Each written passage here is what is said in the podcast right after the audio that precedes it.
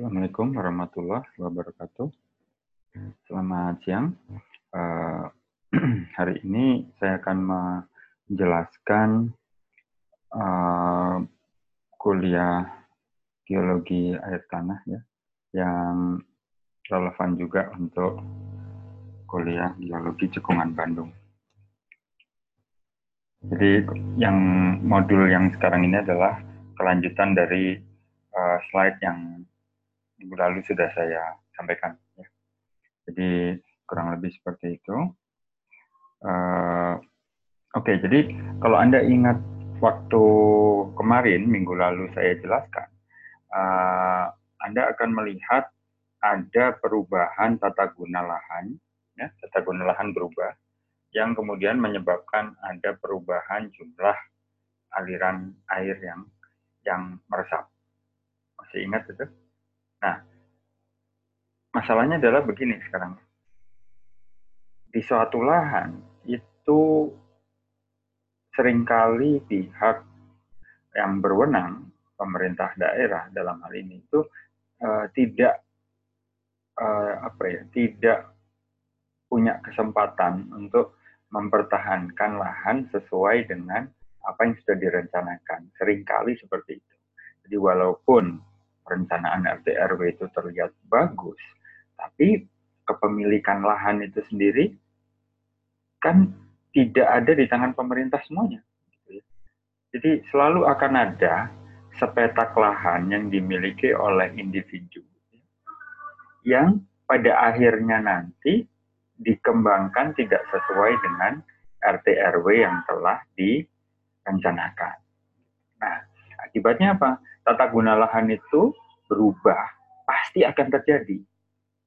Pasti akan terjadi. Nah, yang jadi masalah adalah apakah dengan perubahan lahan eh, tata guna lahan itu, maka tata airnya menjadi berubah.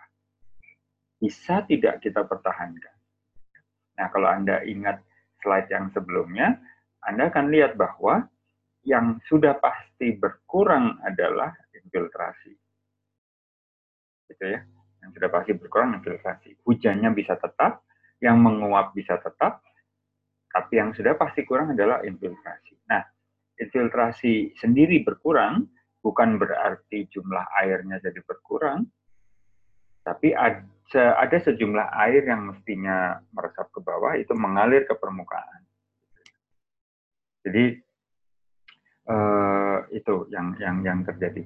Ya, Uh, sementara ini yang disebut dengan uh, tata guna lahan itu uh, sebentar nih lebih baik saya kecilkan saja. Bisa tutup nah begini aja lah. Ini lebih rasanya lebih enak kita ya. Jadi seperti itu. Kemudian uh, persyaratannya apa untuk membuat imbuhan buatan jadi agar imbuhan itu tetap bisa dipertahankan, maka tidak bisa uh, ber, ber, bersandar kepada imbuhan alami, ya kan? Kenapa? Karena tadi sudah tertutup dengan macam-macam, bisa rumah, bisa pabrik, bisa jalan. Gitu. Nah, oleh karena itu dibuat uh, imbuhan buatan. Nah, apa yang perlu diperhatikan? Ada tiga minimum. Ya. Yang pertama geologinya, ya kan?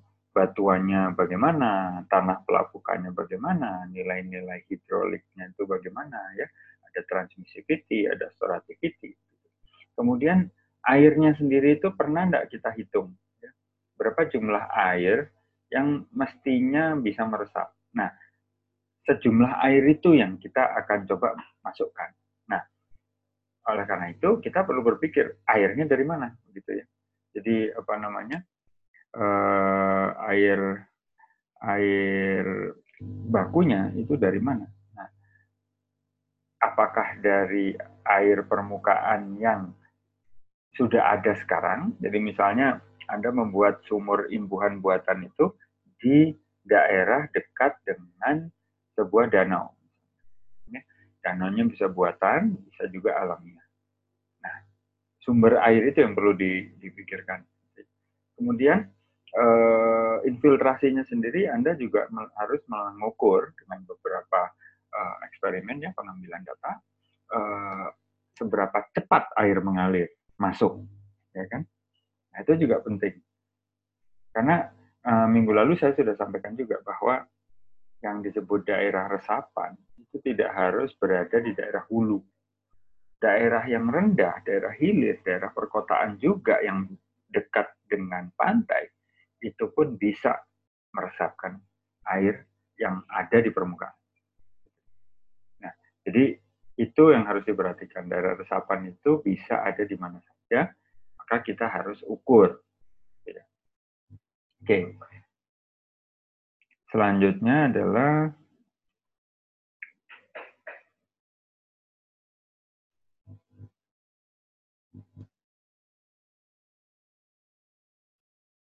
uh,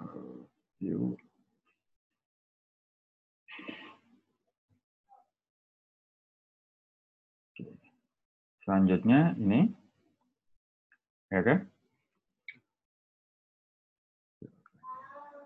Nah. Jadi kebalik sebentar. Nah, normal. Viewer ini saya mau keluarkan. Nah, oke. Okay. Nah, selanjutnya adalah alirannya. Jadi setelah air itu meresap, mengalirnya ke arah mana. Gitu. Itu penting juga. Artinya Anda harus melakukan pemetaan uh, muka air tanah yang ujungnya merekonstruksi aliran air tanahnya ke mana. Gitu. Kemudian kualitasnya sendiri bagaimana? Ya, kualitas yang ingin Anda resapkan bagaimana? Karena kita tidak mau justru niat yang tadinya ingin menambah jumlah air di bawah tanah itu menjadi rusak niatnya kenapa? Karena kualitas yang diinjeksikan uh, rendah gitu. Nah, kemudian efisiensi pemulihan. Nah, ini juga uh, perlu diukur biasanya dengan uh, uji recovery atau uji pumping test. Ya. Jadi seandainya air itu dimasukkan, maka sejauh mana air itu kemudian mengisi akibat-akibat yang ada di samping, gitu. yang kemudian menaikkan air tanah yang ada di sekitarnya. Nah, itu juga perlu dimodelkan.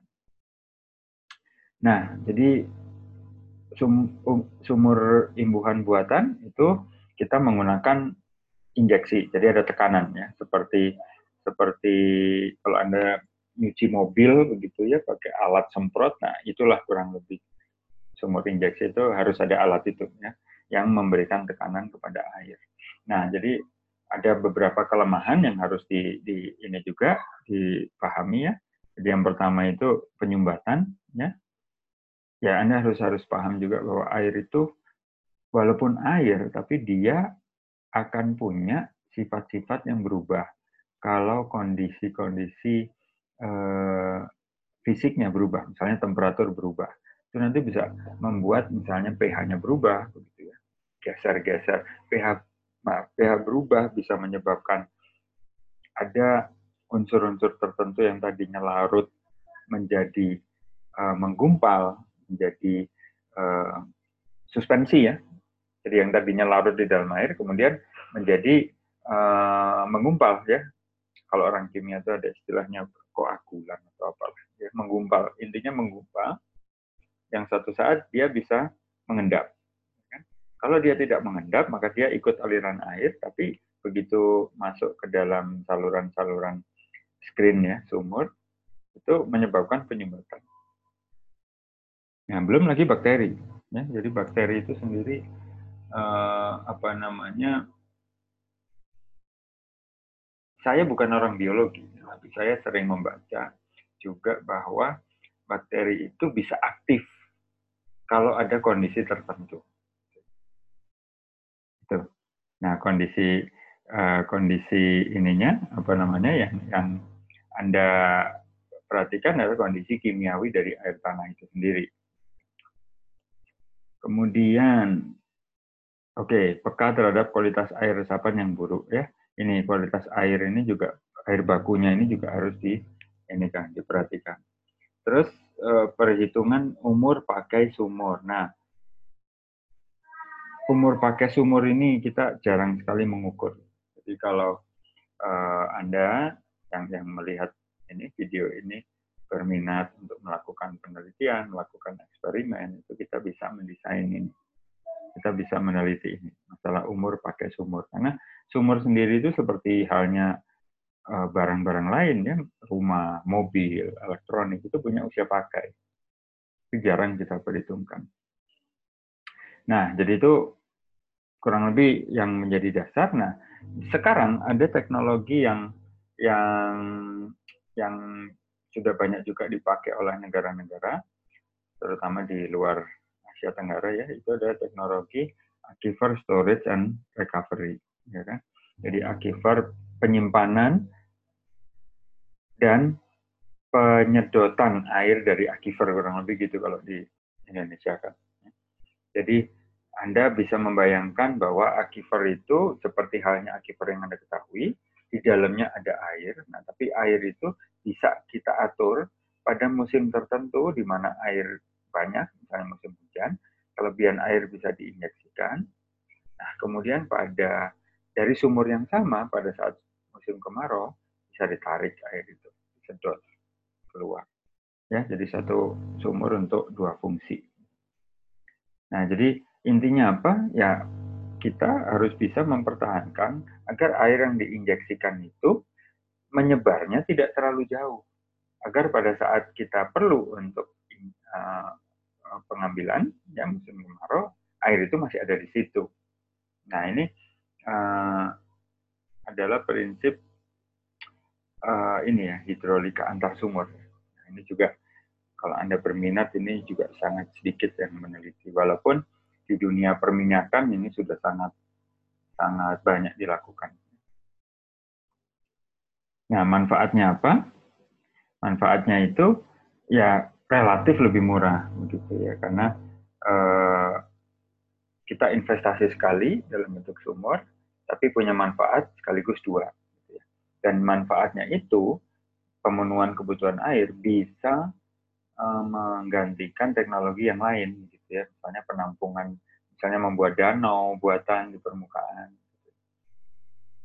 Nah ini juga salah satu topik penelitian sebenarnya, ya bagaimana efisiensi ini. Jadi ada pendekatan ekonominya lah.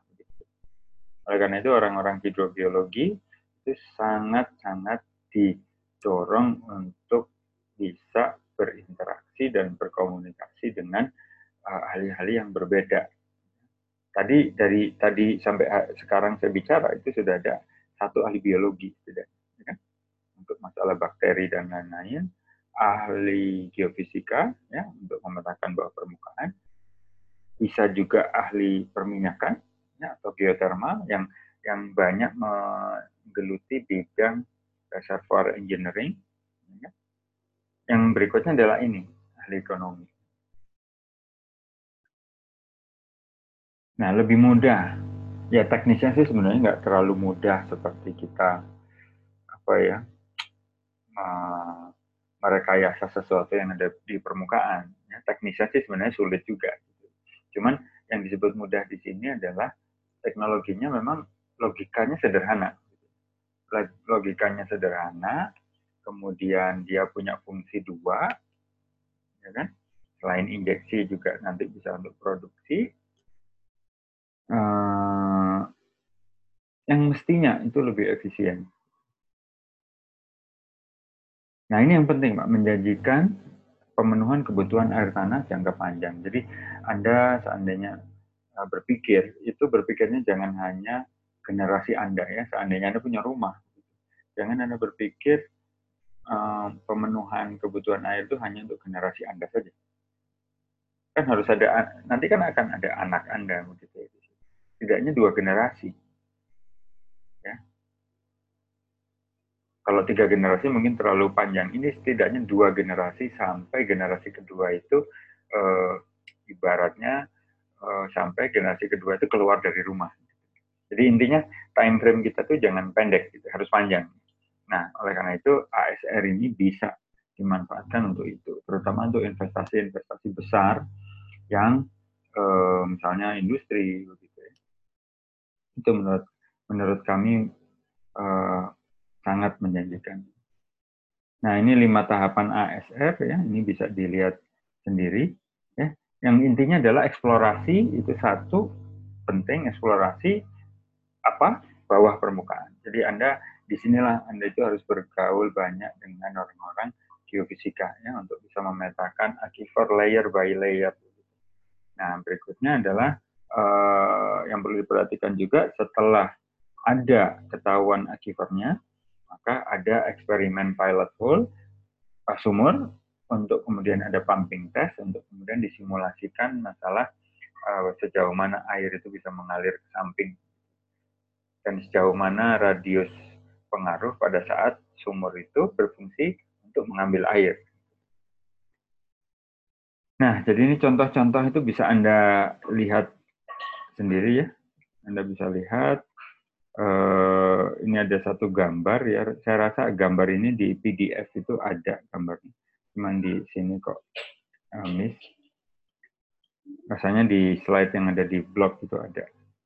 Nah, teknologi yang kedua, ini juga bukan bidang saya, adalah teknologi membran. Jadi uh, ini adalah teknologi yang sifatnya uh, ya inovatif ya, inovatif. Pada saat kita tidak punya air baku, maka pola pikirnya adalah bagaimana dengan air yang ada sekarang kita bikin itu menjadi air baku. Itu kurang lebih pikirannya.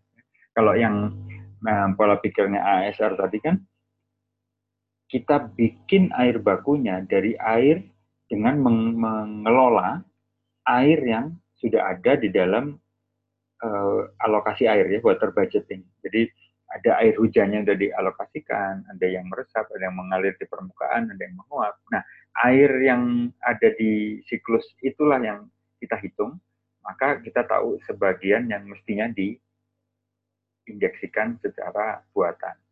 Jadi pola pikirnya itu. Ya. Kalau yang ini adalah kasih saya air, maka saya akan bikin air itu menjadi air baku yang layak untuk dikonsumsi. Itu yang membrannya. Ini teknologi tinggi dan eh, rasanya sih sekarang sudah eh, walaupun tidak bisa dibilang paling murah, tapi bisa jadi sekarang sudah jauh lebih murah dibanding pertama kali dulu itu ditemukan. Ya. Nah, teknologi-teknologi seperti ini itu kan masuk Indonesia kurang lebih sekitar tahun 2006 ya awal 2000-an ya, ketika salah satu ahlinya ya salah satu ahlinya itu ada Pak Wenten gitu, uh, pulang dari luar negeri untuk mengaplikasikan ilmunya. Jadi kurang lebih seperti itu dan teknologi-teknologi seperti ini juga pernah saya lihat sendiri ada di instalasi uh, pemboran migas ya baik yang offshore atau yang di onshore yang persis di tepian pantai yang mana suplai air bakunya sangat kurang gitu ya. Jadi ini dipakai untuk menyediakan air baku untuk kru. Jadi eh, kurang lebih itu yang bisa saya sampaikan. Jadi eh, kalau yang kemarin itu lebih kepada konsep berpikir, nah ini lebih kepada teknologi yang bisa dipakai. Uh, kurang lebih seperti itu. Mudah-mudahan bisa dipahami. Seandainya perlu ditanyakan, maka seperti biasa akan ada form untuk uh, bertanya dan berdiskusi. Uh, sekali lagi, tetap sehat, perhatikan himbauan-himbauan pemerintah ini untuk tidak keluar rumah kalau tidak perlu.